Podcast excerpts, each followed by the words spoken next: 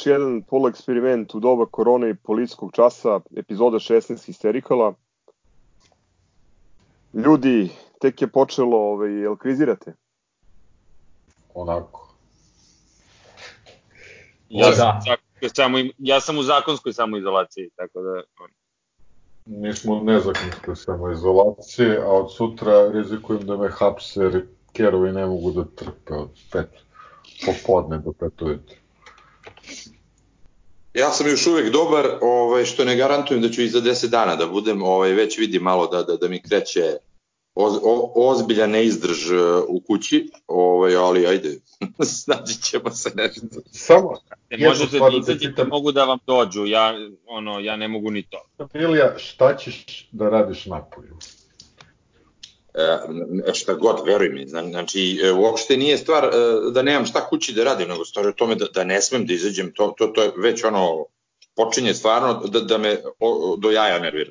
Ja sam mislio da sam ono idealna osoba koja može da izdrži ovu izolaciju, ali ovaj kad god sam razmišljao o, o, to, o tom nekom scenariju, zaboravio sam ovaj, mogućnost da nema nikakvog sporta. Ovaj. Jes, računa si na sve kanale uh, Arene, uh, sve kanale SBL da. plus Juri.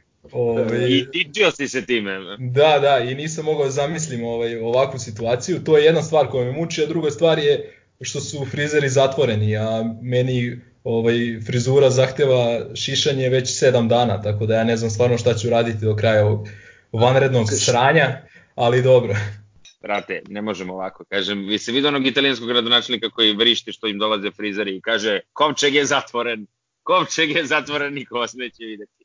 Trudim se da što manje italijanskih vesti ovih, ovih dana zakačim, tako da nisam video ni tog gradonačelnika. Ja, trivija, ja sam zadnji put u izolaciji u februaru 99 pre bombardovanja, a zašto sam dobio boginje sa 23 godine i tri nedelje sam bio u karantinu, ali nisam smeo ni da se kupam, burazer. Tako da je ovo sad još uvijek laka preklada za to, ali sam tad ispratio Rambuje i sve što je trebalo usput, jer nije bilo ništa drugo da se gleda. A čekaj, hoćeš da kažeš da se sad kupaš? Pa po ne, subotom. Da. Što se tiče ovaj, krize sporta, imate futbolsku ligu, Burundi Malavi je otkazan, i još šest dana je otključan Football Manager 2020 može da se igra demo. Ovi, u svakom slučaju mislim da poruka treba da bude ono da je počelo ostanite kod kuće i radite sve lepe stvari za koje inače nemate vremena. I gledajte klauzuru Nikaragua, ja sam gledao pre neko veče. Jel se igra u Belorusiji još uvijek? Pa rekao je to. Da, da, da, bilo. Pa igra se igra. Čuo Makedonije. I to iznenađujući rezultat. Igra se Burundi. Na, kako se drži traktor, to me zane. Trakaj. Goskudice tema, idemo prvo, ovaj, kao i svi ostali loši podcasti, radimo rewind. Vraćamo se 15 godina nazad i ovaj, komentarišemo jednu od evropskih, evropskih pobjeda futbolskog kluba Partizan u Dnipropetrovsku. Pre nego što mi krenemo ovaj, da se dovikujemo preko Skype-a, e, zovemo gospodina Skolsa da nam iz prve ruke, s obzirom da je bio jedan od devet ljudi koji su, čini mi se devet, koji su vozom putovali u Dnipropetrovsk, odnosno Pičko Materinsk, da nam kaže ovaj, svoja, svoja sećanja na, na mart 2005. Ništa. Na legendarno. Zemun polje Kolin. Pozdrav svima, evo u ovim danima kada ne možemo da gledamo naš Partizan i kada je pitanje kad ćemo ponovo moći da ga gledamo, da se posetimo nekih utakmica i nekih velikih pobjeda Partizana. Evo, prošlo je 15 godina od dvomeča sa ukrajinskim e, Dnjeprom e, i posle onih e, 2-2 u Beogradu, snega, mećave, obiora odite.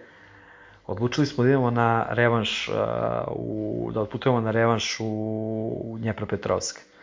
Meni je sigurno ta utakmica, taj revanš uh, u Ukrajini jedna od najdražih utakmica koje sam gledao Partizana, sigurno u top pet utakmica najdražih kojima, na kojima sam bio. Odlučili smo da putujemo vozom. Jel, postala je neka redovna linija Beograd Dnjepropetrovsk sa presedanjem u Kijevu.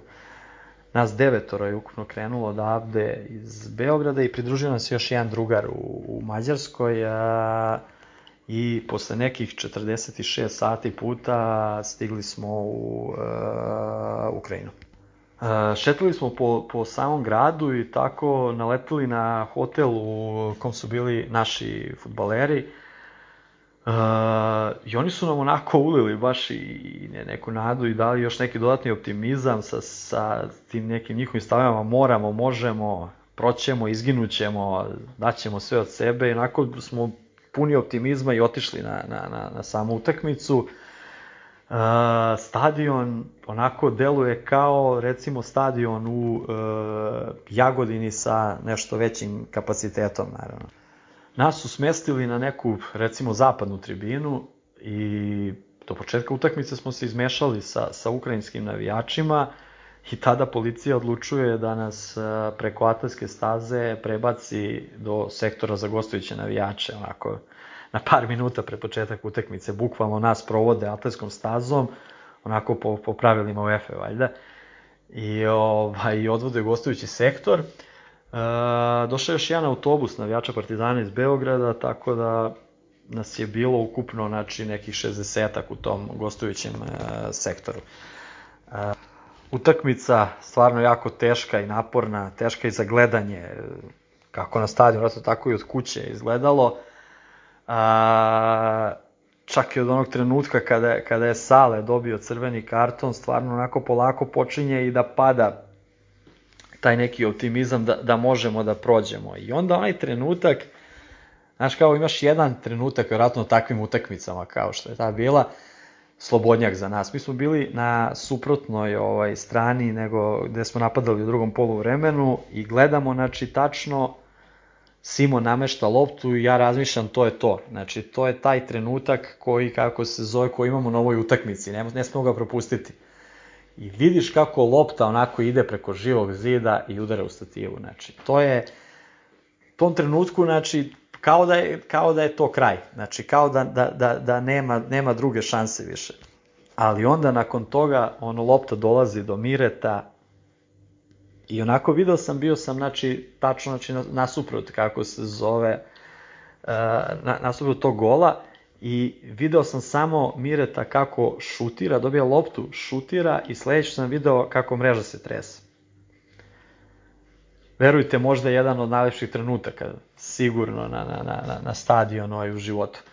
E, znači, mi smo bukvalno popadali preko onih stolica, e, ne znam, ne sećam se recimo u neki narednih 2-3 minuta ošte šta se dešavalo, e, neopisiva radost. Znači, verujem da je bilo tako i svima, svima koji su kući gledali, ali posebno je nešto na, na, na, ovaj, na, na stadionu u tom trenutku.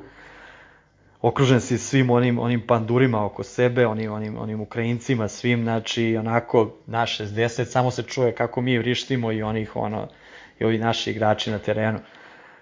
I onda, onda taj trenutak od, od kad je ovaj kad smo dali gol, pa recimo dok nije sudija svirao kraj, imao sam osjećaj da je to da je to negde oko dva dana trajalo.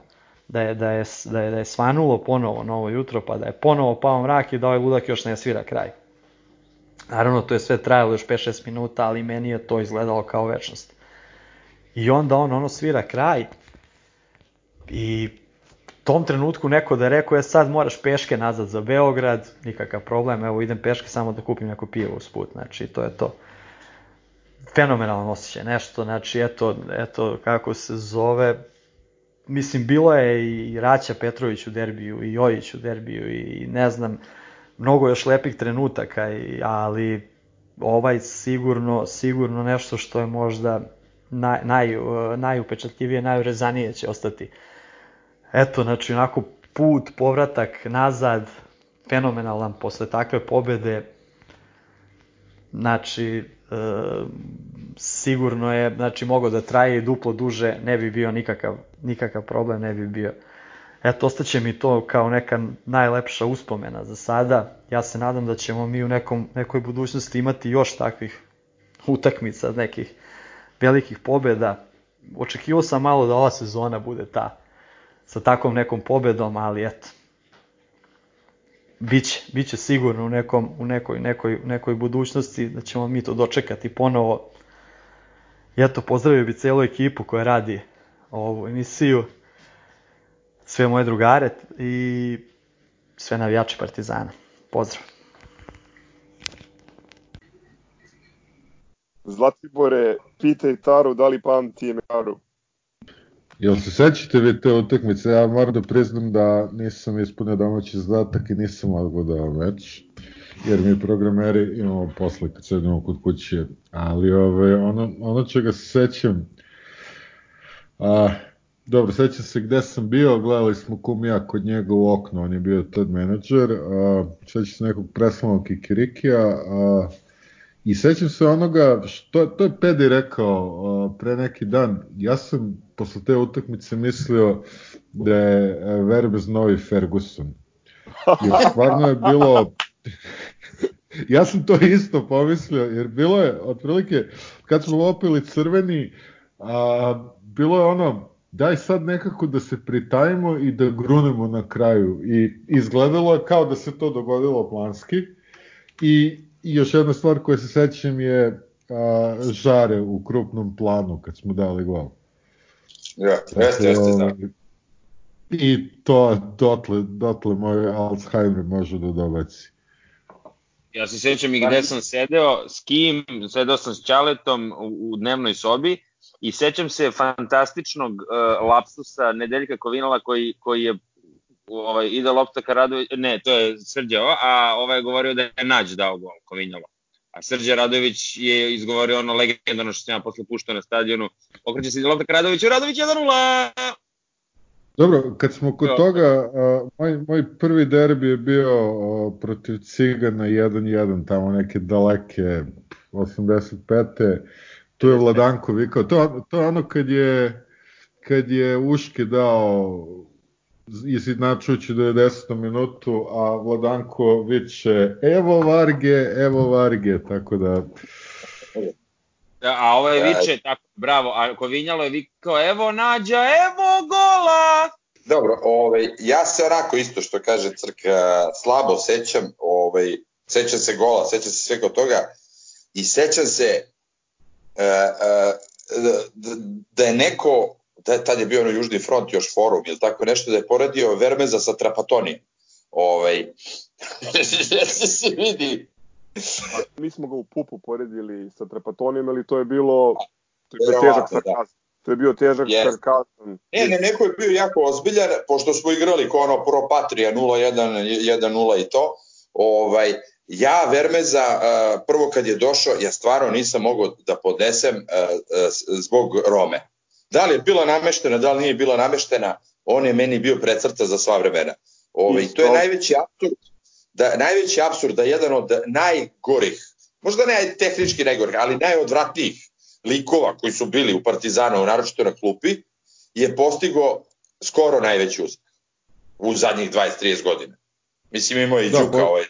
Ajde, doći ćemo, doći ćemo da. do tima koji je igrao u Pičkom materinsku, ali u svakom slučaju to je bila respektabilna ekipa, posebno posmatrano s ove vremenske distance, tu su bili dosta ozbiljni igrači. Ove, yes. To inače, poređenje Vermezovića s Trapatonijem, verujem mi da je bilo sarkastično.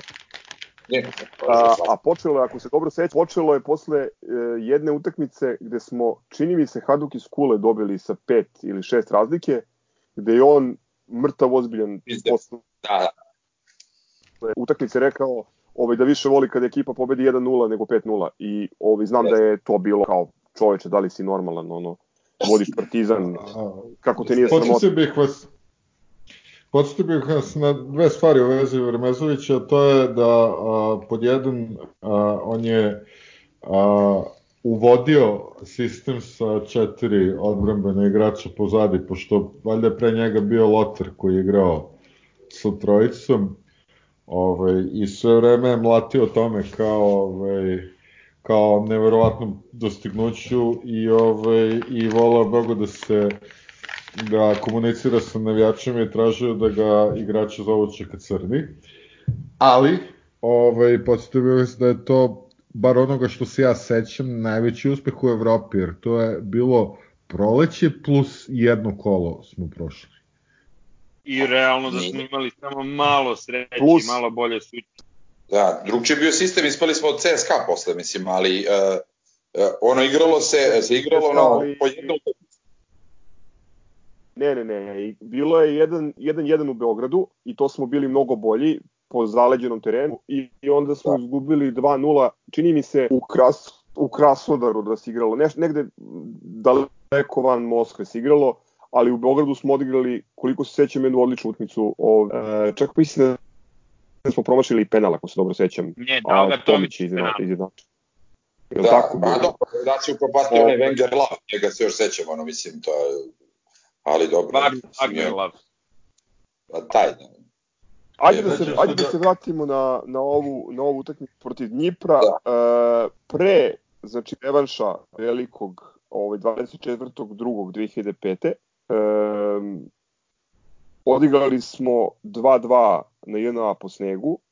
E, fenomenalan debi Obiore odite obeležio tu on puno Da. da. neuslovni, neuslovni teren ovaj, plus ona bakljada sa onim zelenim bakljama na, na istoku, nekih Da, 14-15 Je li bio istok ili sever tada? Istok, Istok. istok. istok. Ovaj, ja sam bio na Atlantskoj stazi jedine fotke te, ono, ono fronta koji, koji pali one vulkane su moje bile. Ima, mislim da su posle izlaz- izlazile svuda, ali oni vulkani su bili super i nikad neću Je. zaboraviti da su tu bili smetovi snega na zapadu od 2 metra, zato što je tako duvo vetar da je nanosio bukvalno prvih osam redova da su pušteni, da su ljudi došli, ne bi videli ništa od smetova snega na zapadu. Mislim da se to čak ne vidi na, na TV snimku. Ja nikad veći, veću količinu snega nisam vidio u životu, a kamoli na JNA. Čekaj, ali Znači, Tumba pa- Slopato za Dnjepropetovski ili za CSKA? CSKA su sušili teren samo sa da. ovim đavolom. Dnjepropetrovsk- Za ovu utakmicu ona fotka Tumbas sa, sa lopatom, ona je do jaja. Ne, da. to je Šaktjor, to je Šaktjor.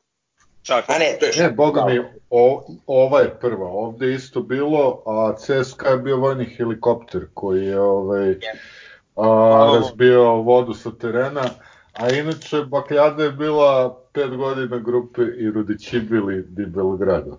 Kako se toga Na njim setio. se idu pot- pot- ja se, ja se pamtim samo gluposti ljudi. Je, jeste, bila je e, pet godina IRR, non molare mai i to, brate. Da, da, jeste, bila je. Bio je i transparent neki. To je trans, da, da, da.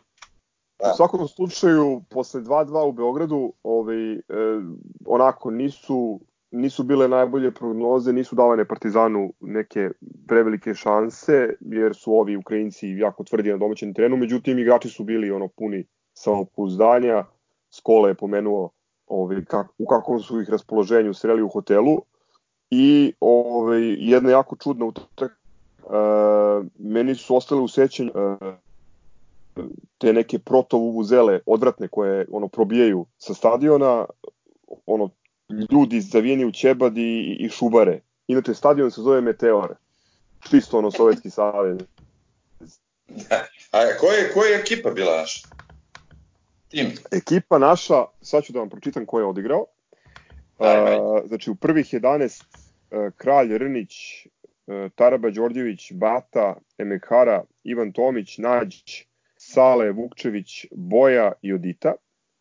Uh, u drugom poluvremenu, znači Sale dobio, Sale dobio crveni karton u 43. minutu i onda u drugom poluvremenu ušli Ćirković umesto Rnića, uh, Grubješić, tvoj omljeni Vili, Harmonikaš, da. umesto, Monigaš, umesto Tomića i, i um, Mire Radović na poluvremenu zamenio boju. bio- Da, je bio ko je Vukčević, Simon jebote, da, da, da, da. da. Simon je pogodio stativu, to je Ivan je pogodio pomenuo. timu ubito, tako je.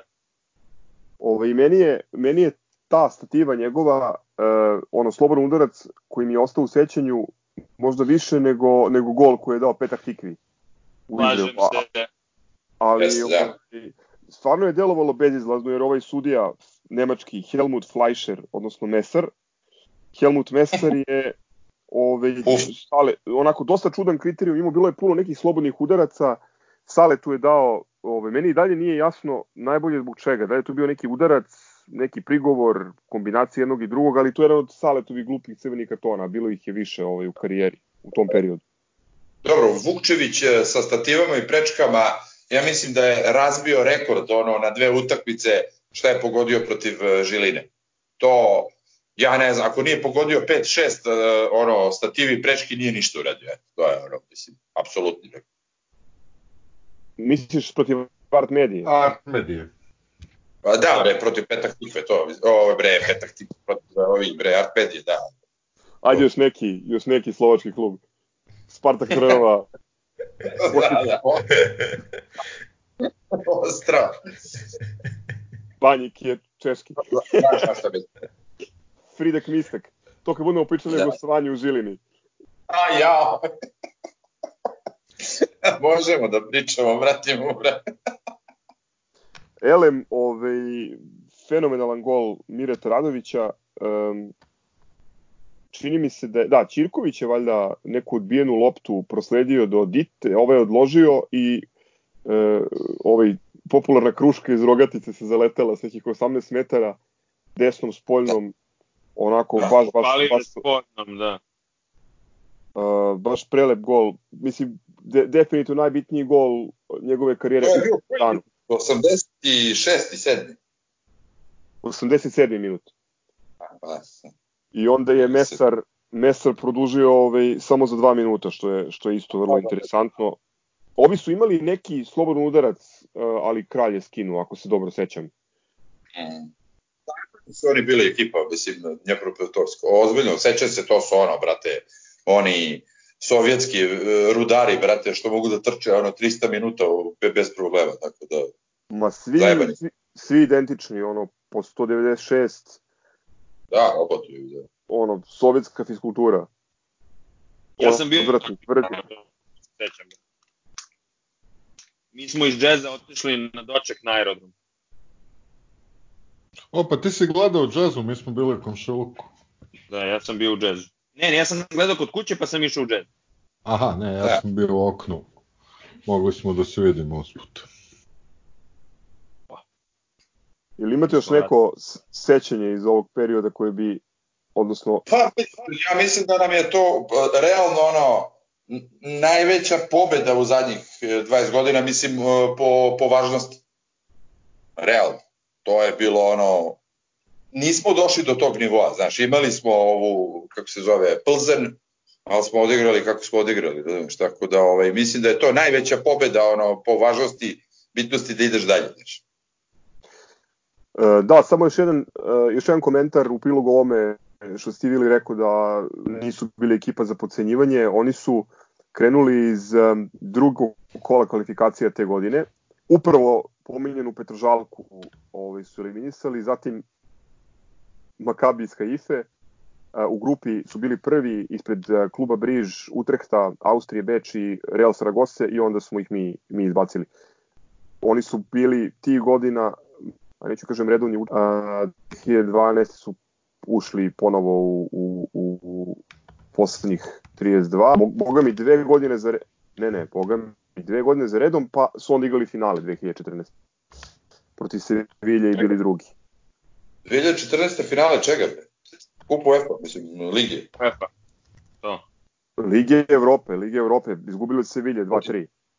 Ja, Brate, ja toga ne mogu se setim uopšte. Dobro, ta Sevilla ona uzela pet za redom Kuković, ono tako da mi više izlazi iz glave. Sluš, slušaj koga su ovi ludaci sve eliminisali te godine. Kopenhagen, Hajduk, Inter, Saint Etienne, Karabag, Olympiakos, Ajax, Klub Briž, Napoli.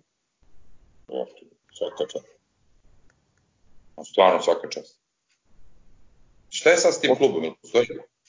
Ja mislim da su se oni uh, ne rasformirali, nego prebacili ovaj, u zapadni deo, u zapadni deo Ukrajine. Um, da li da li igraju u Kijevu ili negde drugde, to sad ne mogu da vam kažem, ali mislim da ne igraju u, u, u Petrovsku posle ovih ratnih sukoba tamo. Da. Yes. Mislim, kažem ti, po meni najbitnija utakmica koju smo dobili najveća pobeda ovaj, u odnosu na, na cilj koji si imao ovaj, u zadnjih 20 godina, realno. Možda, ajmo stvari, ajde, ne, sve biti šampiona, ali realno.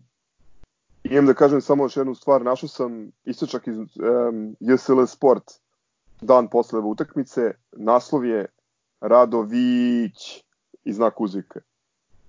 A u podnaslovu stoji nespotskim gestom u 42. minutu kapitan Saša Ilić ostavio drugove na cedilu. Kada se činilo da je se izgubljeno, prvo je Vukčević pogodio stativu, a minut kasnije usledio je trenutak odluke. I onda gospodin Trapatoni, e, evo citiram, Vladimir Venezović smiren posle meča, žao mi je Dnjipra. Znaš kakav kreten treba da budeš, znači ulaziš ono u, u poslednjih 16 u Evropi, tebi je žao Dnjipra. Da li se vi sećate konferencije za štampu posle, posle petak tikve? Mnogo pitaš. Čika Crni, Čika Crni koji a, a, bukvalno nasinhronizuje Pornić. Ah, oh, uh, ne ponovilo se. Đubre, pokvareno, brate, čovjek zadatka. Kako Znači, beše, ono, ne, kako beše ona pesma, Vili, oj vene, kurvo stara, koliko su ti dali para? Tako, da, da, da, da, da, da, da, da, da, to je bilo za Romu, da, da. posle robe. da, da, da. Ne znam, ovaj, e, ko mi kaže da petak tikva nije ovaj, e, nameštena, evo ja stvarno, i, i da mi neko objašnjenje, ja ne znam drugo. Ja sam gledao tu utakmicu posle jedno pet puta i tačno Kako, sam vidio, kako si mogao da gledaš ponovo? mogao sam da gledaš što sam kao, da vidim ko je namestio. I tačno se vidi, sad je glupo da pričam, ko hoće ne pogleda, brate ima na tubu, da vidi ko se sklanjao i zašto se sklanjao. I bit će mnogo razočaran, nažalost. Ja sam bio prisutan na treningu petak tikve kada član uprave tada silazi lože i govori ugasite im svetlo, nemoj trošimo struju na ovo. Su se oni ljudi većinski delom ta petak tikva na treningu slikala da se vidi ono rumunsko Steaujino partizan na istoku kako je bilo ispisano fantastičnim bojama ovaj, Znači, brate, a, a, Kanarinca i, i, i, i ovaj, Steauje, sam- tako da to je bilo baš užasno. I mogu da pitam nešto ja? Da. Kako smo Ajde. ovaj, iz afirmativne priče o jednoj od najvećih ono, pobeda evropskih partizana došli do petak tikve? To je sledeća sezona, to ti je, brate, preko kurca do zvezda, znaš, i nazad, jebi ga, nažalost. Ovaj, pa vi se setite, znači mi smo trebali e, u Ligu šampiona, dovodio se Ventola, ako za već koji put, i onda smo izvukli Petržalku. Ventola i nek vanku, nek vanku kanu.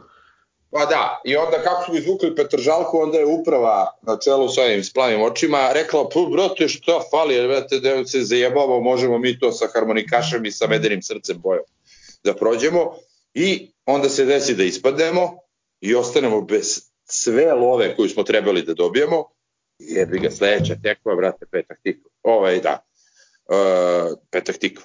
Ti ih dobiješ 2-0 tamo. Dolaziš ovde da slaviš ulazak, brate, i šta se dešava? Pet komada, brate.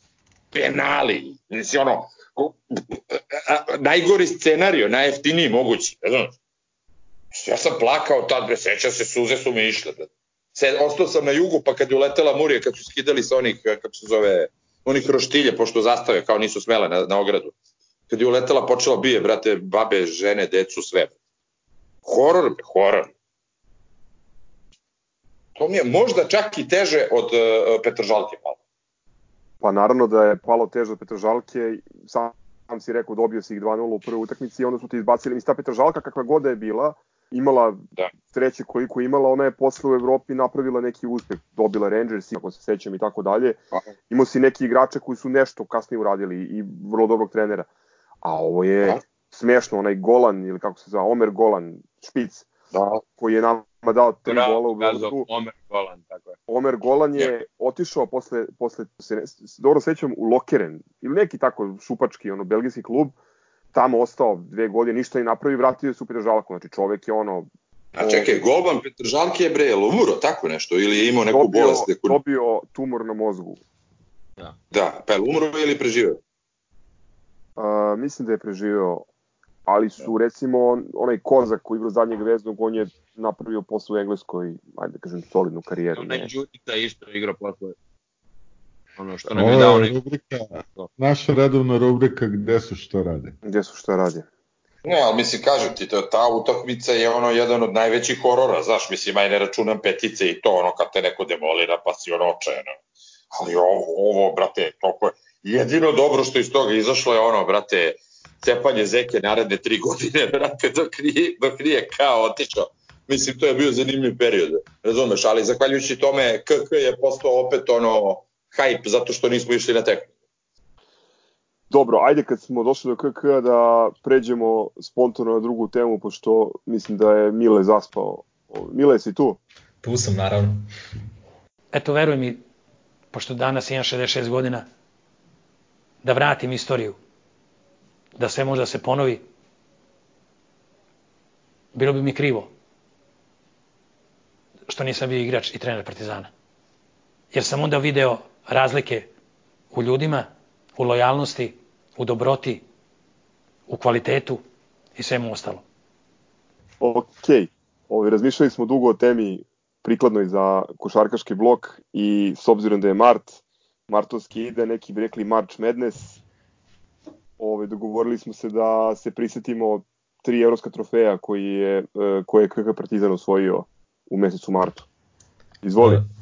Pa da, ovaj, moram, moram ti priznati da mi je dosta teško pala, uh, pala ova tema, zato što ovaj, ipak ćemo pričati o tri evropska trofeja od, od četiri koje je Partizan osvojio u svojoj istoriji, a nažalost ni jedan se nije desio od, od kad sam ja rođen.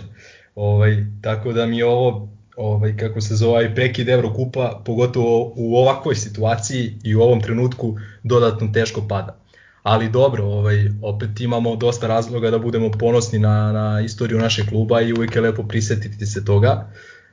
Prvi trofej, prvi evropski trofej Partizana je bio kup Radivoja Koraća, to je dakle bilo drugo po jačini evropsko takmičenje u, u, u košarci ovaj, dugo, dugo vremena.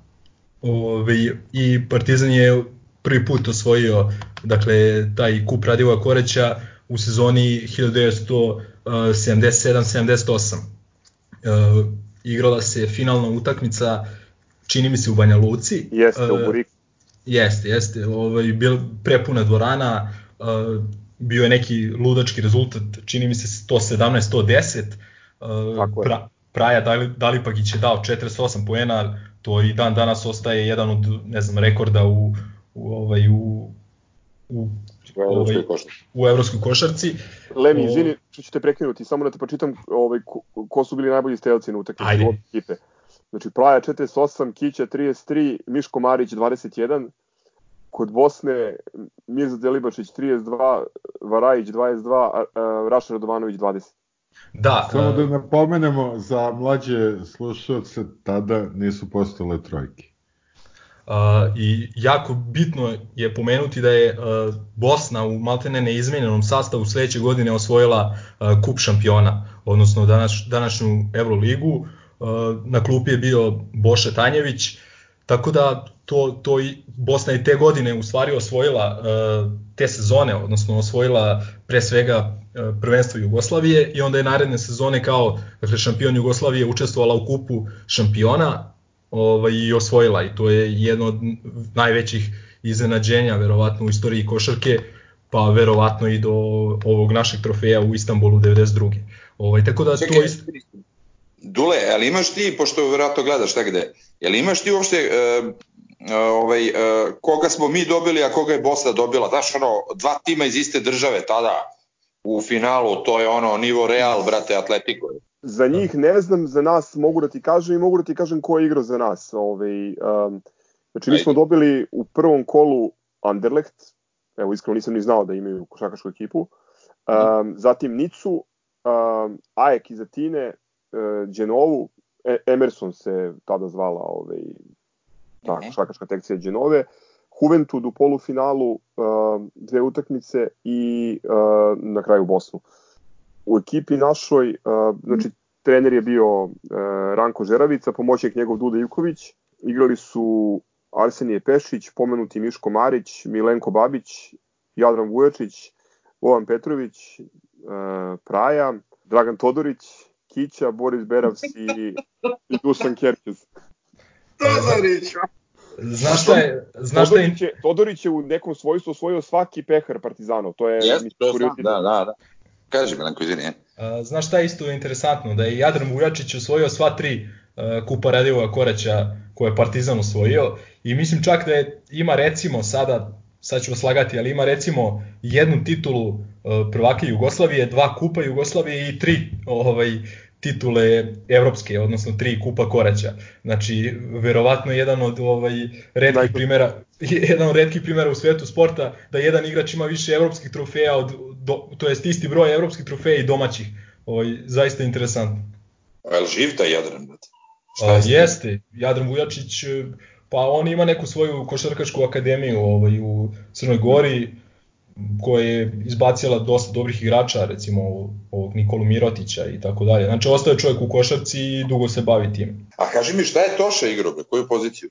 Toša je igrao playmakera i A. ovaj, donekle beka, ono, kad treba da odmeni kiću, ali ovaj, Toša je imao jednu ve- veliku ulogu u finalu sledeće godine protiv ovaj, Arigonije iz Rijetija, a pretpostavljam da Sad sam ćemo... hteo da kažem, sad sam hteo da kažem, vidi se ko nije čitao Bekos. Da, da, ovaj, Odnosno, vidjet će se ko je pravio Bekos. da, da, da.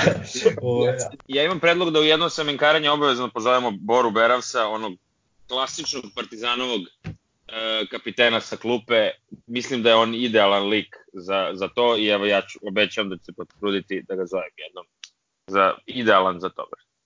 Za semenkaranje. Ja, treba tog Ćaleta da zovemo prvo, da ti ja kažem, ali o to potom, aj. Čekaj da ga vidimo da li će ga ri, ubije korona. Ja. I to bez tebe, pošto ćeš mu Pošto ga letati u smara, rednost. smara, smara kako se zove da, da, da nosi masku. E, ljudi, ja vama nisam ulazio u futbal, molim, mo- molim vas, malo se ponašajte. Ajde. Sledeće godine Partizan je ponovio uspeh i odbranio trofeju Kupu Koraća. Milenko će nam kao pažljivi arhivator I hroničar. I hroničar dešavanja. I teško reći da je hroničar, pošto se rodio 20 i kusur godina kasnije. Nema nikog Objasniti veze, on je hroničar. Situaciju, Realno. do, dobili smo redom Antib, Goricu, italijansku, Hapoel Haifu u polu, polufinalu Jugoplastiku i u finalu smo igrali sa Arigonijem. Pa to je isto jako specifična godina za Partizan. Ja sam tu godinu obradio u, ovaj, u prvom broju Fonzina Bekos. Ovaj, e, zašto? Zato što e, prošle godine kada sam kada je bilo 40 godina od e, te sezone i Partizan je u toj sezoni prvi put u, svojoj istoriji osvojio triplu krunu. Partizan je do te godine osvojio dva trofeja u svojoj istoriji. Osvojio je titulu Jugoslavije 1976. i pominjani prvi kup Radivoj Koraća 78. A, a samo u toj sezoni 1978-79 osvojio je triplu krunu, odnosno uh, osvojio je više trofeja nego u 30 uh, i koliko, 3 godine uh, istorije do tadašnje. Partizan, vrlo je važno reći da je da je na leto 1978. godine reprezentacija Jugoslavije postala prvog sveta ovaj, u Manili i Part- Partizan je toj reprezentaciji uh, podario, tako da kažem, dva igrača koji su se na kraju našla u, u prvoj petorci čitavog prvenstva, a to su naravno uh, Ki, Kića i Praja. Posle i Moka. Dobro, dobro, po, doći Sramota doći, me, sramota me da, da, da to kažem, ali ja sam gledao to finale 78. i čak se nečega i sećam. E, ovaj, i, i vrlo, je, vrlo je interesantno uh, reći da je recimo Praja Dalipagić bio najbolji strelac i najbolji igrač uh, tog svetskog prvenstva i da je on uh, na, neposredno na početku nove sezone u Partizanu morao da ode na osluženje vojnog roka.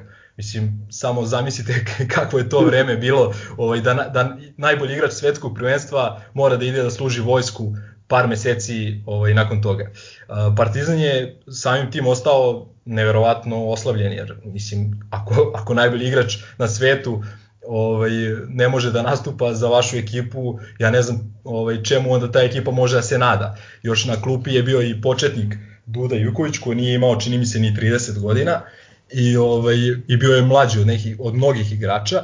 Tako da je Partizan u tu sezonu ušao jako onako e, bojažljivo. E, samo je čini mi se Boša Tanjević koji je ovaj bio trener e, Bosne samo je on davao neke šanse Partizanu da možda može da osvoji titulu te godine. Ovaj ispostavilo se da je to jedna od najboljih sezona u, u najsvetlijih sezona u istoriji našeg kluba. Ovaj, e, u kupu koraća smo dobro gurali, nismo imali nešto teško u e, grupu, ali je zato u polufinalu došla Jugoplastika i ovaj dve vrlo tesne pobede, čini mi se jedna je bila pola koša, druga je bila dva razlike za nas. A, Jugoplastika inače te godine bila drug, drugoplasirana uh, u prvenstvu u Jugoslavije i imala je, čini mi se, tri reprezentativce iz Manile. Tako da to sve daje neko dodatno, baca neko dodatno svetlo na to naše osvajanje. Odnosno, ko je igrao, ko je igrao za Jugoplastiku tad? Uh, mislim da je igrao uh, Duje Krstulović, uh, mislim da je igrao i Petar Vilfan, uh, da, Vilfan, moguće. Krstulović i čini mi se Jerkov, ali... ali ovaj, A trener? A, ne mogu da se setim. Ali o, prilično sam siguran da su ova trojica igrača igrala u toj generaciji jugoplastike. Ovaj, a, I mi smo uspeli nekako da, da uđemo u finale Kupa Koraće koje je igra, igrano u Beogradu, igrano je u Pioniru koji je tada bio relativno sveža i moderna dvorana. Ovaj, a igrano je u Beogradu zato što je to bila, čini mi se, godišnjica, 10 godina od smrti uh, Radivova Koraća, po kome je i samo takmičenje nosilo ime, pa je ovaj FIBA odlučila da je to onako prikladno da, da finale bude odigrano ovaj, u rodnom gradu uh, Radivova Koraća. Uh, protiv Rijetija, Arigoni Rijeti, Arigoni im je bio, bilo to sponzorsko ime, odigrana je isto jedna velika utakmica. Uh, vrlo je bilo... su oni, španci, italijani? Italijani, italijani Aha. iz gradića Rijetija koji je na neki sat vremena od Rima, čini mi se. Ovaj, oni su oni imali... Ne postoje, oni ne postoje više. U da, da, da. da. Oni su se ugasili 2010. godine. A dobro, to je već manje više standardna ona tu, tužna priča evropske košarke i italijanske pogotovo. Ovaj mnogi mnogi ti timovi su ili promenili ovaj imena ili neke ovaj, pa, dobro, ima adres. Ovde, ima i ovde takvih primjera, da, da. ovaj, ali kažem, imali su dvojicu strašnih igrača, ovaj, Amerikanaca. Izvini Milenko, sad moram da te pitam, mislim, kao navijač Pelikansa, šta ti imaš protiv toga da klubu imenju imena? Oprosti. Pa, mislim, to je jedna posebna tema koju ćemo možda obrađivati jednom, prilikom. Ako potre vanredno stanje, sigurno. Da, da. Dolazim. Mislim da će i to doći na red. Znaš šta je vrlo interesantno ovaj, kod e, pomenutog Arigonija? Njihov najbolji igrač, šta mislite kako se zvao? Taj Amerikanac. Amerikanac? Da. Pa verovatno, vrate, ne znam, Michael Jordan. Imali su, imali su da, dva Amerikanca, imali su onog Milija i uh, onog na S, neko čudno Sojourner, Sojourner, a znate li kako se zvao uh, Sojourner? Vili. Vili. uh, nomen est omen. Pa, pazi, uh, bio je odličan igrač, Vili Sojourner. Ovaj, on je recimo, po čemu je interesantan da je dao Julius Irvingu čuveni nadimak Dr. J, koji je verovatno jedan od najpoznatijih u, ovaj nadimak u svetu košarke. Ali pored toga je bio sjajan igrač, igrao je dugo u čini mi se ono ABA ligi, ono tu, znači pre, pre ovaj NBA lige postojala je NBA i ABA liga, pa su se oni posle spojili. On je bio u principu odličan igrač, profesionalac, kako se to tada pričalo ovaj, iz Amerike i ovaj napravio je veliku karijeru i ostavio veliki trag u Italiji, ovaj kako se zove. On nam je dao dao 30 poena, a ovaj drugi Cliff Mili nam je dao čini mi se 29. Ali ovaj bilo je interesantno da je da je Kića bio povređen. On se Kića se povredio čini mi se protiv Cibone, uh, par utakmica pre tog finala i bilo je vrlo neizvesno da, da će igrati. Ovaj, I bukvalno je ovaj doktor, naš uh, klubski lekar, bukvalno je danima bio ovaj, kod Kiće na gajbi i ono, ovaj, bukvalno ga ono, oporavljao, davao sve od sebe kako... I visak, brate, verovatno, da. Ko zna, ko zna šta je bilo. je bio to da je ubacio 41 poen. Tako je, znači 41 poen, čini mi se da ima isečak te utakmice, odnosno završnice te utakmice na YouTube-u i ono, možete da se prisetite kakav je Kića bio igrač, s kojom lakoćom je on postizao poene, to je prosto neverovatno. Ove... Jako si lepo ovaj, opisao ono, oba sastava, s tim što mislim da je bitno naglasiti da ne ispane sada da je Arigoni taj nestali klub, da su to neki indijanci anonimusi, da je čak i Brunamonti igrao yes. za njih. Jeste. Uh, Brunamonti koji, koji je igrao i protiv nas i onom čuvenom četvrt finalu 92. protiv Knora iz Bolonje, jedan od ovaj, legendi italijanske košarke, ovaj, jedan od mislim najtrofejnijih igrača ovaj, što se tiče Italije, tako da Ovaj, ali, ali činjenica je da su im ova dvojica Amerikanaca bile onako udarna igla i mnogo su, mnogo su veliki doprinos tu dali Miško Marić i Arsenije Pešić kako bi, kako bi ih ovaj, donekle, da kažem, zaustavili. Da li je ovo bio prvi veliki trofej tenerski Duda Ivković? E, da. E, mislim da je to čak i prvi trofej, zato što je prvenstvo, prvenstvo osvojeno možda neposredno nakon toga, a čini mi se da je kup koji smo osvojili protiv Zadra u Nišu bio poslednji trofej koji smo osvojili te sezone. Tako da je vrlo moguće, sad nemojte me držati za reč, ali mislim da je ovo prvi trofej, uh, samostalni trofej Duda Ivković u trenerskoj karijeri. Ne, sam sam hteo kažem, zamisli 77. 8. koja je to godina, su oni već dovodili Amerikance crnce, pretpostavljaju. De, de to, vidiš, de to ide, a mi smo, brate, ono, 99 do duše, do duše, mi smo doveli, doveli smo neposredno nakon toga, smo doveli ovog čuvenog Bučka, Bučka, Buča Taylora, ovaj, međutim on se nije pokazao ovaj, kako treba i mi smo, ovaj, čini mi se, ispali od one zbrojevke iz Praga, ja mislim. Ovaj, Tad je fazon bio dovedeš trnca, brate, ono kao Steve, onaj iz Kluza, ono, znate, kao daš kada bude ono maskota, mislim, nisi se nešto nadao. Da, da. Pričam kako su oni bili E, ono, 15 godina ispred nas što se tiče tog sporta i ulaganja u to. Jeste, jeste. Ozbiljna ekipa u svakom slučaju. Uh, 10 godina kasnije, ovo je sad finale Korać kupa koga se svi vrlo dobro sećamo, neki od nas su bili i prisutni u, u hali mm. sportova. Kantu, odnosno Viova Smara, finale odigrano, uh, odnosno ovaj drugu utakmica finala odigrana 22. marta A, moram da kažem da smo ovde, e, znači u, na putu ka finalu imali dosta ozbiljnih rivala. U drugom kolu Vareze, u četvrt finalu Estudiantes i u polufinalu Zadar koji je tada bio veoma ozbiljna ekipa.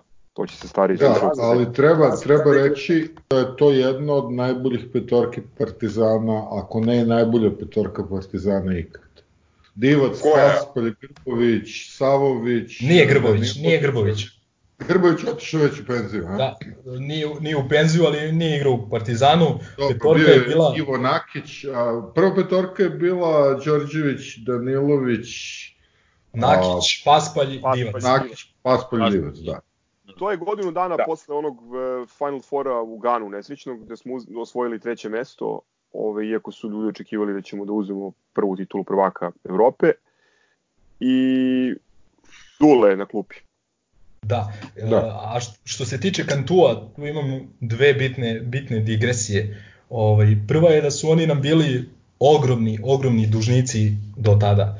Oni su nas pobedili u finalu Kupa Koraća u sezoni e, 73-74, dobili su nas oba puta pa su nas sledeće godine dobili u polufinalu isto Kupa Radivo Koraća, tu su nas dobili nešto tesno, mi dobili, mislim, 13 u Beogradu, oni nas dobili tamo 16 ili 17, i dobili su nas treći put u Kupu šampiona uh, u sezoni 81-82. Uh, tad je tad bila nek... bili Skvib. Tad su bili Skvib, pre toga su bili Bira Forst, ali ovaj, šta, je, šta, je, šta je recimo, to ovaj, primetio sam da malo ljudi se seća, ovaj, recimo, toj sezoni 81-82, bio je neki glup sistem takmičenja, bile su neke dve grupe. Prvo je bila neka četvrtfinalna grupa, e, pa polufinalna grupa. E, pričamo o kupu šampiona, znači o elitnom rangu takmičenja. E, I onda iz te polufinalne grupe gde je recimo učestvovalo tipa šest timova, igrao je svako sa svakim ono dva, dva puta i dva prvoplasirana, odnosno prvoplasirani i drugoplasirani su igrali finale na neutralnom terenu. I čini mi se je prvi bio u toj grupi Makabi, a da je drugi, drugo je bilo da ćemo biti mi ili Kantu. I mi smo izgubili u Italiji 16 razlike, a u Beogradu smo imali 17 razlike i loptu na nekih 20 sekundi do kraja. I samo je bilo potrebno da ono potrošimo vreme, tad čak nešto bilo, dru, drugačije su bila neka pravila i oko tog pra, pravljanja faulova i ne znam, slobnih bacanja. To je zajebao, zajebao. zajebao je Goran Ristanović koji je imao loptu u rukama i mislio je da ima ono ovaj lagan ulazak i polaganje od tablu i onda ga je udario mu bananu neki igrač Kantua i oni su dali koš u kontranapadu i mi smo tu utakmicu završili sa plus 15, a tamo smo izgubili 16 razlike i mi zbog toga nismo otišli u finale uh, kupa šampiona te godine. Ovaj, I Kantu je recimo tada osvojio, znači oni su pobeli Makabi ovaj, na neutralnom terenu, tako je Partizan tu već pro, prokockao jednu veliku šansu da prvi put osvoji kup šampiona, a tad je, čini mi se, igrao Moka Slavnić za Partizan, Slavnić, Dalipagić, E, Grbović je bio tu kao mlađi igrač, Milenko Savović, e, Kića nije igrao, ali ovaj kažem bili smo jako jako blizu, znači faktički na jednu loptu. Mislim imali smo finale u rukama. E, e, trener je bio Rebat Ćorković, koji je posle, ja mislim da je on bio dule tu pomoćnik u ovom kupu koraće koje smo osvojili 88. 89. A isto je zanimljivo da su, da su te godine te 83. igrali za Cantu, Antonello Riva i Marzorati, ovaj playmaker koji su igrali posle 89. ovaj kako se zove isto protiv nas. A... Izvini, ako mogu samo da kažem nešto još bitnije, ovaj stariji će se setiti, uh, pored uh, Rive, uh, jako puno problema napravio Ken Benson, čisto da ljudima mlađim slušalcima približimo, Ken Benson je, ajde da kažemo, došao u, u Vivu kao, već kao veteran, nakon više od 10 sezona u NBA-u, inače čovjek je bio 77 ili 78 bio je prvi pik na draftu u NBA. Da. A, on, nam je, on nam je dao u, u, u Kantu, ne znam, 20 kusur poena i u Beogradu je bio među najefikasnijima. Jedan pravi on old school centar. Pazi, e, to mi je, to mi je druga, to mi je druga digresija vezana za Kantu. Ovaj, čisto da približimo ljudima koliko je taj Kantu bio jak i koliko je bila jaka italijanska košarka u to vreme. Znači ono što je Will rekao, eh, italijani su počeli da dovode kvalitetne Amerikance već eh, sredinom 70. godina ili ajde da kažemo krajem 70. godina i to je posle ovaj eh, prelilo se i na 80. i svi se sećaju ne znam Boba Mikadua iz Tracera ili ovaj ili Odija Norisa. Odija Norisa, to znači njih se svi sećaju, ali recimo ovaj Ken Benson je bio prvi pik na draftu, bio je pre toga je e, član one čuvene generacije Indijane, ovaj sad se sad će se Vili smejati, ali ovaj čuvena Govorimo generacija o koledžu, o koledžu, ne. Koledžu, da. Ču, on je on je on je, on je rođen. Da, ja mislim Jerry Payton je. Ne, ne, ne, on je rođen, pazi, Indijana. Indijana što se ti Gary Payton je Seattle Supersonics, pomešao si. Pa, pre, nego se zvao? Reggie Miller, Reggie Miller, brate, Pacers. Reggie Miller, nabijam ga na kurac, on je sa trakom debil, da, da. Pazi, pazi. Uh, Indiana je Indiana je u što se tiče američke košarke nešto kao Čačak kod nas, ono, znači ono z, savezna država u kojoj se košarka je na nivou religije i on je ono Znači, čekaj, govoriš Čačak zbog igrača ili zbog rukovodstva kluba? Šta misliš? Mislim, naravno, zbog pre svega Dragana Kićanovića i Željka Obradovića, onda i svih ostalih. Ali, ovaj, kažem, on je bio uh, član te generacije Indijane koja je osvojila bez poraza NCAA, uh, pa je onda bio prvi pik uh, na draftu, pa je 10 godina, ne znam, igrao u NBA ligi, bio čuven po tuči sa Karimom Abdulom Džabarom ovaj, i onda je došao da završi karijeru u Kantu. A drugi, drugi Amerikanac je bio Jeff Turner, a, koji je igrao u NBA ligi i pre i posle Kantua, A isto je interesantno da je 84. bio član američke reprezentacije koja je osvojila olimpijske igre, a njegov, njegov saigrač njegovi saigrači tu su mu bili ovaj izvesni Michael Jordan, Chris Malin ili ovaj ne znam Sam Perkins, ovaj tako da čisto čisto u LA-u. Uh, ne, mislim da nismo mi igrali, mislim da je Španija, ali nisam siguran. Ali mislim šta hoću šta hoću da kažem. Pazi, šta hoću da kažem, znači dva neverovatna ovaj stranca. preozbiljan, preozbiljan igrač. Jeste, znači njih dvojica. 84. smo mi ispali od Sovjetskog saveza, ja mislim u polufinalu sa onih tako. čuvenih prokockanih 9 poena. To ono 9 razlike je bilo, tako? Tako je. Nije, nije to je bilo svetsko prvenstvo, to nije to, bila olimpijada. To 86, ja mislim. Da, da, nije to olimpijada. Olimpijade se sećam, ali ne mogu se setim. Mislim da smo uzeli neku medalju, ali ne znam koju, ali pošto smo uzeli sve medalje. Uh, ono mislim, uh, mislim da smo uzeli bronzu, mislim da smo uzeli bronzu, ali ovaj nisam siguran. Ovaj, ka... E, tačno, good point. Ali ovaj, kako se zove, što se tiče ove dvojice, bili, oni su nam pravili najviše problema u ovoj prvoj utakmici u Kantu, a u revanšu nam je Antonello Riva dao nekih 30-40 poena, ne, ne znam više. Ovaj, on je bio ubedljivo njihov najbolji igrač u revanšu. Uh, Divac isto. Divac je bio najefikasniji. Divac je dao u Beogradu 30 poena, u direktnom okršaju sa već pomenutim e, Kentom Bensonom, s tim što mislim da je Benson bio najefikasniji ako se gledaju obe utakmice. I jako bitan ovaj podatak je da smo mi prvu utakmicu u Italiji izgubili 13 razlike, a, tako da praktično smo se vratili A pazi, ni to, nije, ni to nije bila realna razlika zato što je bio tipa egal ili, ajde da kažem da smo bili u nekom minusu od 4-5 poena do par minuta pre kraja. I onda su oni u završnici te utakmice ovaj, napravili tu razliku, pa smo onda mi nakon te utakmice otišli u Maribor na, na finalni tu, ovaj turnir Kupa Jugoslavije, osvojili ga, pobedili Cibonu i, i Jugoplastiku. I to, i, i to izdominirali na tom da, da turniru. Da, znači... Zaista, to, to je bio, a ako gledamo po igrama, tu smo bili najubedljiviji. Ta, ta recimo moja moj omiljeni sastav Partizana pod Duletom Vojošovićem u prvom mandatu, to, to je bilo fantazija kako smo, kako smo Jedno... razbili i ima jedna trivija s te utakmice, recimo da li polufinale ili finale protiv Sibone, više ne sećam ni ko je uspeo da a, pri zakucavanju... Polufinale sa igrali final. Ne, ne, ne, ne, nije. Pri zakucavanju, znači pri zakucavanju je neko polomio koš ovaj, i onda je bilo jedno bar pola sata pauze.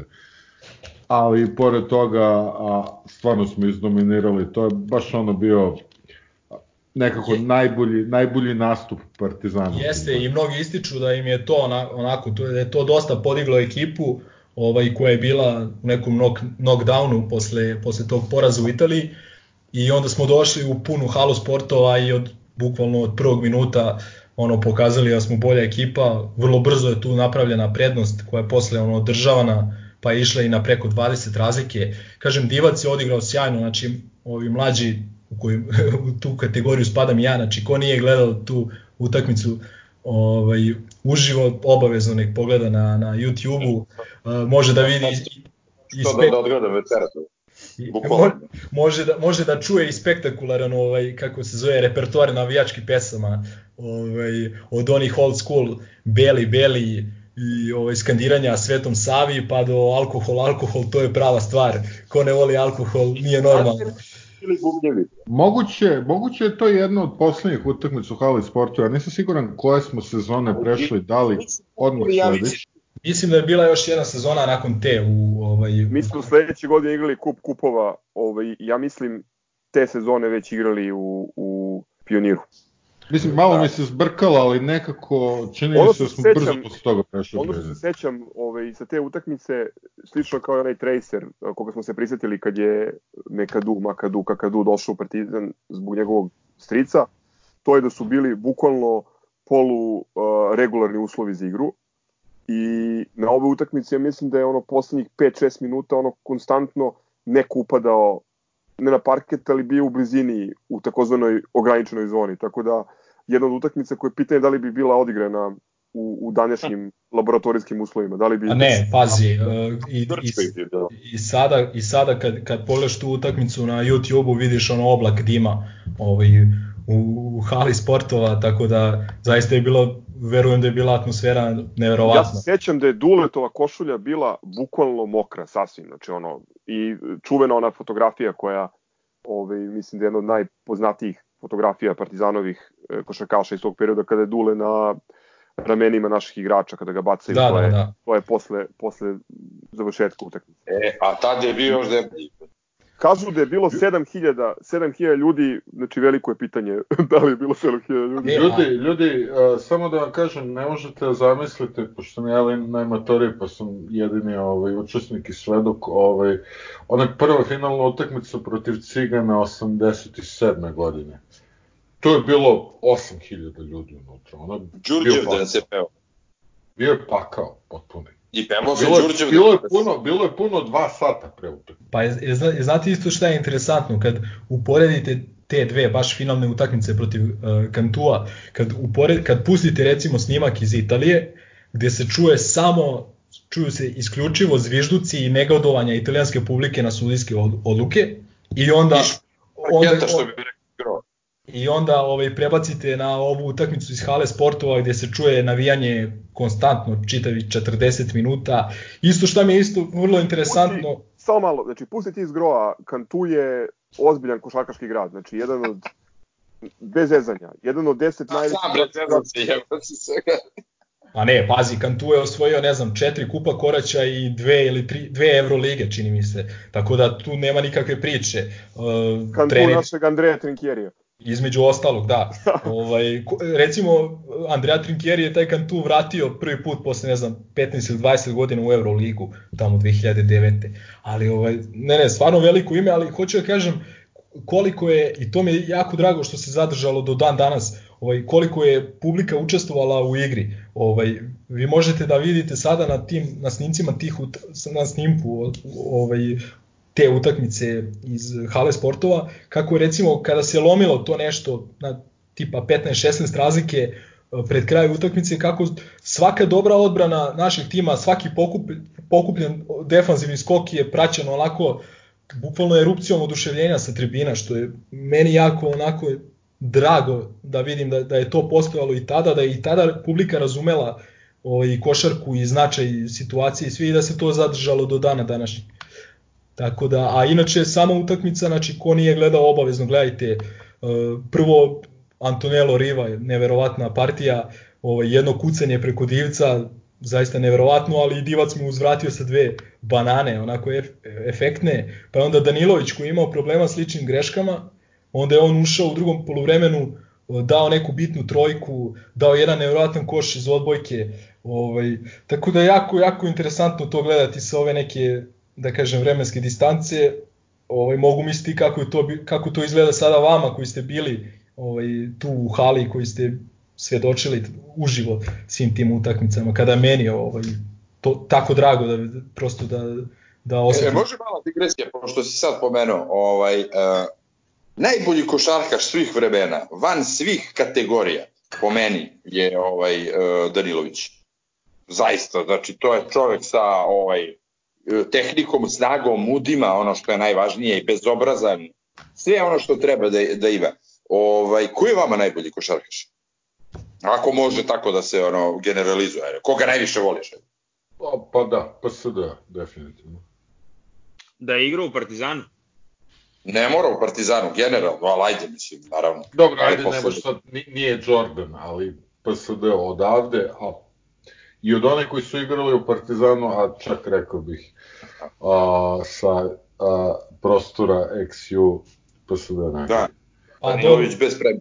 dobro, znaš Pa šta, bilo. vjerojatno ti može da ti kaže Bodiroga iz prostog razloga što je dečko imao tu ono mozak neopisiv i jebi ga muda do poda. Ogromna muda, da, ali PSD je ipak superioran fizički u odnosu, jer Bodirov Jeste, je sve bio slow da. motion, a, a ovo je zakucao Sabonis u lice.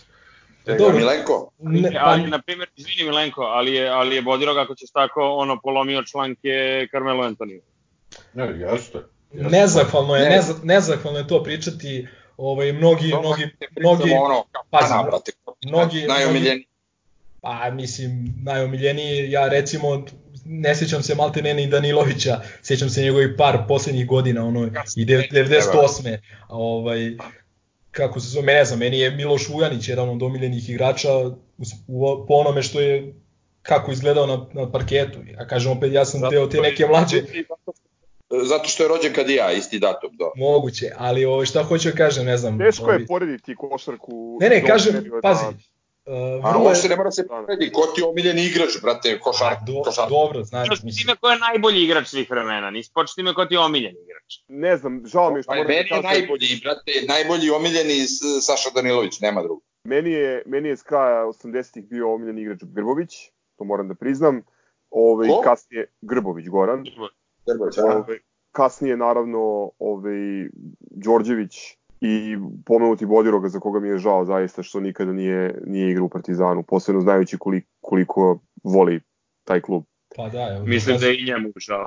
doka- dokazuje i ove sezone ovaj, sa prisustvima na, na utakmicama. Ne znam, E, ja tog Bodiroga vidim, volim ga, mislim, drag mi je, nije ono, super je kao čovjek. Ali ja, brate, njegovu košarku, mene to izluđivalo, ono, klaćenje, ono, usporeno. U, uopšte i dan danas ne mogu shvatim zašto je on toliko maestralan za sve. Meni što to nije Magic. jasno.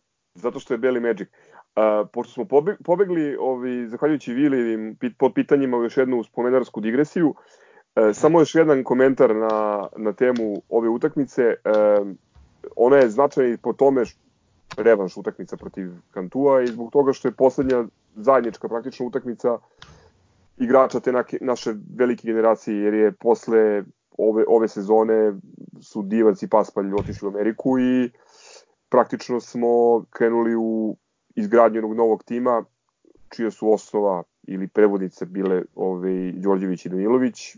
Ako se ne varam, Di- Divac u Lakers-e, a Paspolj u San Antonio. Da.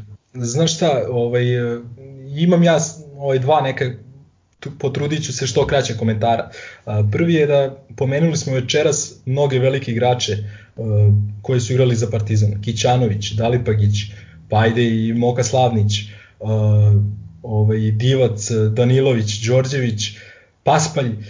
Neverovatno je da, da, je, da, su, da, da, da je Partizan sa svim tim imenima na kraju ostao e, samo na jednoj tituli Evrolige i to onda kada se nije očekivalo. To je prosto velika greota, a, mislim Ne da je vuci Partizan... me za jezik. Ne, vuci E, me ne, ne, ne, ali pričamo, pričamo, pričamo ozbiljno. Znači, već krajem 70-ih, početkom 80-ih godina Partizan je mogao da dođe do svoje prve titule. Uvek je malo falilo, ili je to falio, falio jedan igrač, ili je falila jedna lopta da se ode e, pa onda i ta 88. 89. znamo šta se dešalo u, u finalu 89. u prvenstvu Jugoslavije, Jugoplastika je otišla, znamo šta je ona napravila nakon toga, znači prosto neverovatno, to je onako moj prvi, prvi ovaj, e, prvi komentar, a drugi komentar mi je e, da smo u prvom osvajanju Ku- Kupa Radio Koraća odigrali 11 utakmica. E, U drugom smo odigrali 9, a u trećem 12 uh, u tom pohodu ka, ka trofejima. Ove sezone Partizan u Evrokupu već odigrao 16 utakmica i trebalo mu još 8 pobjeda da dođe ovaj da dođe do trofeja. Znači čak znači u nekom najboljem uh, ne ne 8 uh, pardon nego 6. Uh, znači u najboljem nekom slučaju nama Veze. 22 utakmice nam je trebalo da i što sa, ovaj samim tim pokazuje koliko je danas teško doći do, do tako nekog rezultata. I, i baš zbog toga mi je ovaj krivo što kada smo imali prilike i krajem 70 i krajem 80 godina nismo to nis, nismo takve prilike e, znali da iskoristimo. I to je to. Pošto smo stigli do dana današnjeg, ovaj, hoćemo li par rečenica na temu Evrokupa, ABA lige i toga šta se dešava u, u, u doba korone ili ćemo da završavamo? Nema, još si mlad, da ne kaže mali, pa odmah vređanje. Štaš da radiš sa 20, 30, 40 godina? Pa sa 26-40 godina će da mi izla- izađe čiz na stomaku. Pa, Pa je- to niko ne zna. Evo, recimo, aktualnost je da ovaj, Da je Đordi ode, dalje- podržao isto sastanak preko Skype-a. Tako je, na kome je rekao, ma, bit će sve okej, ljudi. On zna nešto što mi ne znamo. Uh, ne, on se jednostavno nada da će, da će ovo da se završi što pre i da će on moći da nastavi da plasira svoj produkt i da za uzvrat uzima novac od te prava. To je jedini, ovaj, jedini razlog ovog njegovog, da kažemo, odugovlačenja. Uh, ja sam recimo imam, imam ovaj mali predlog da dam, pošto svi ono ovaj, naglabaju kao šta bi bilo fair, uh, kako završiti sezonu Evrokupa i tako dalje. Uh, I sad, pošto se sve više pominje taj Final Eight, koji ja mislim da na kraju se neće ni održati, mislim da ni to nije fair. Mislim da bi fair, da bi najpoštenije u ovom trenutku bilo da se odigra Final Four i da samo četiri prvoplasirane četiri prvoplasirane ekipe iz ovih grupa ovaj, odu na Final Four, jer koja je poenta znači, toga što smo mi bili prvi, ako ćemo morati da igramo i to četvrt finale na neutralnom terenu, ovaj, jednu utakmicu i, sve, i, i tako do finala. Mislim da je ovo neko...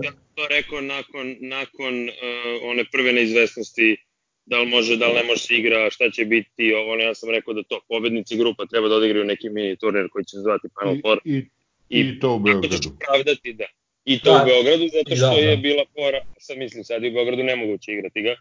I pitanje na, na što bi to ličilo, pošto ekipe sem Rusa niko ne trenira. Treniraju do duše Italijani, ali oni nisu Ma, da to je smešno, mislim, treninzi, treninzi jednom nedeljno, drugo, ovaj, ako govorimo o, o klubovima koji su prvi u grupi, tu je i Malaga, ja ne znam kada će čak i uz najoptimističnije prognoze Đorđe Bartolomeo moći da okupi ekipu.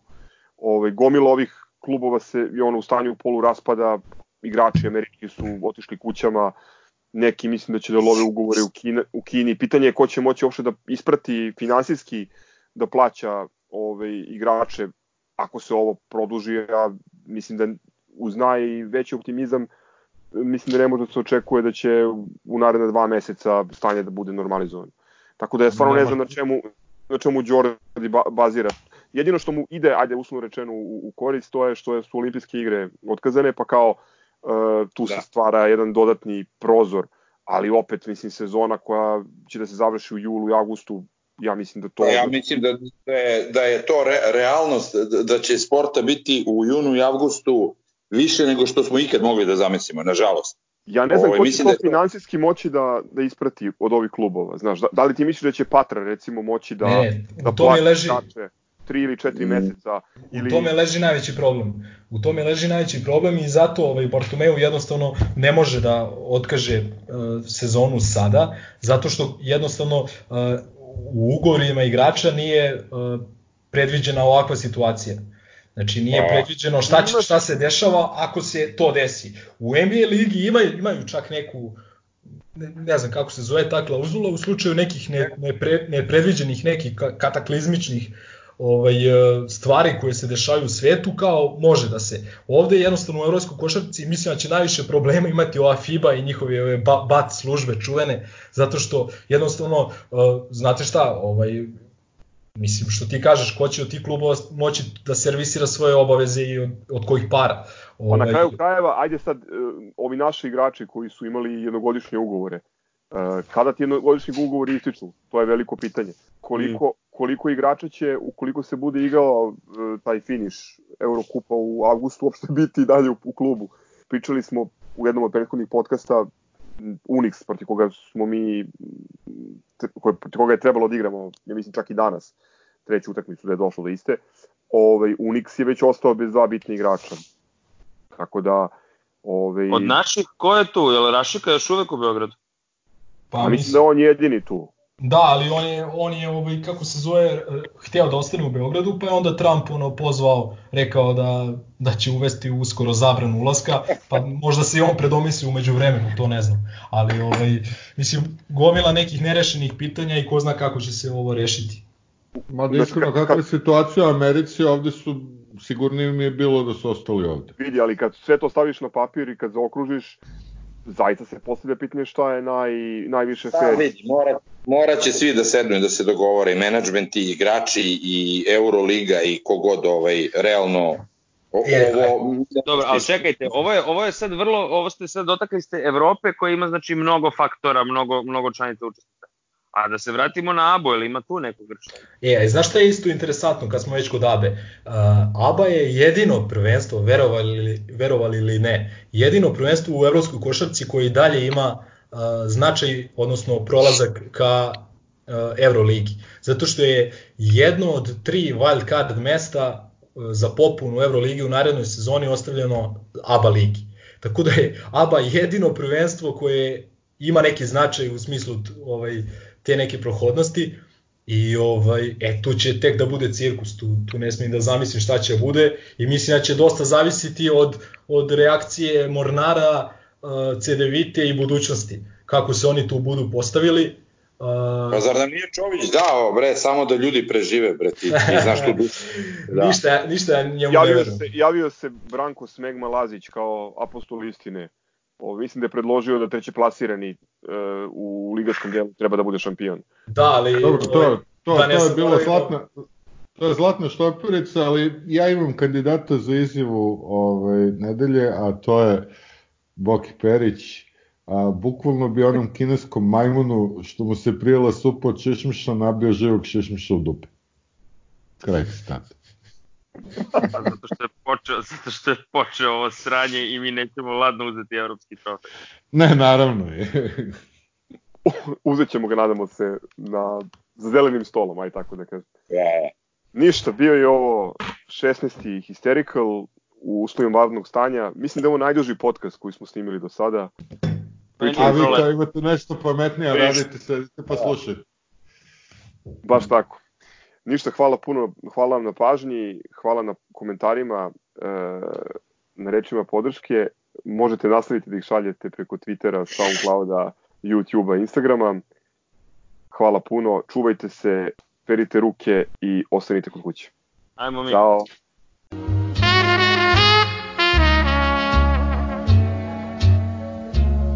Woo!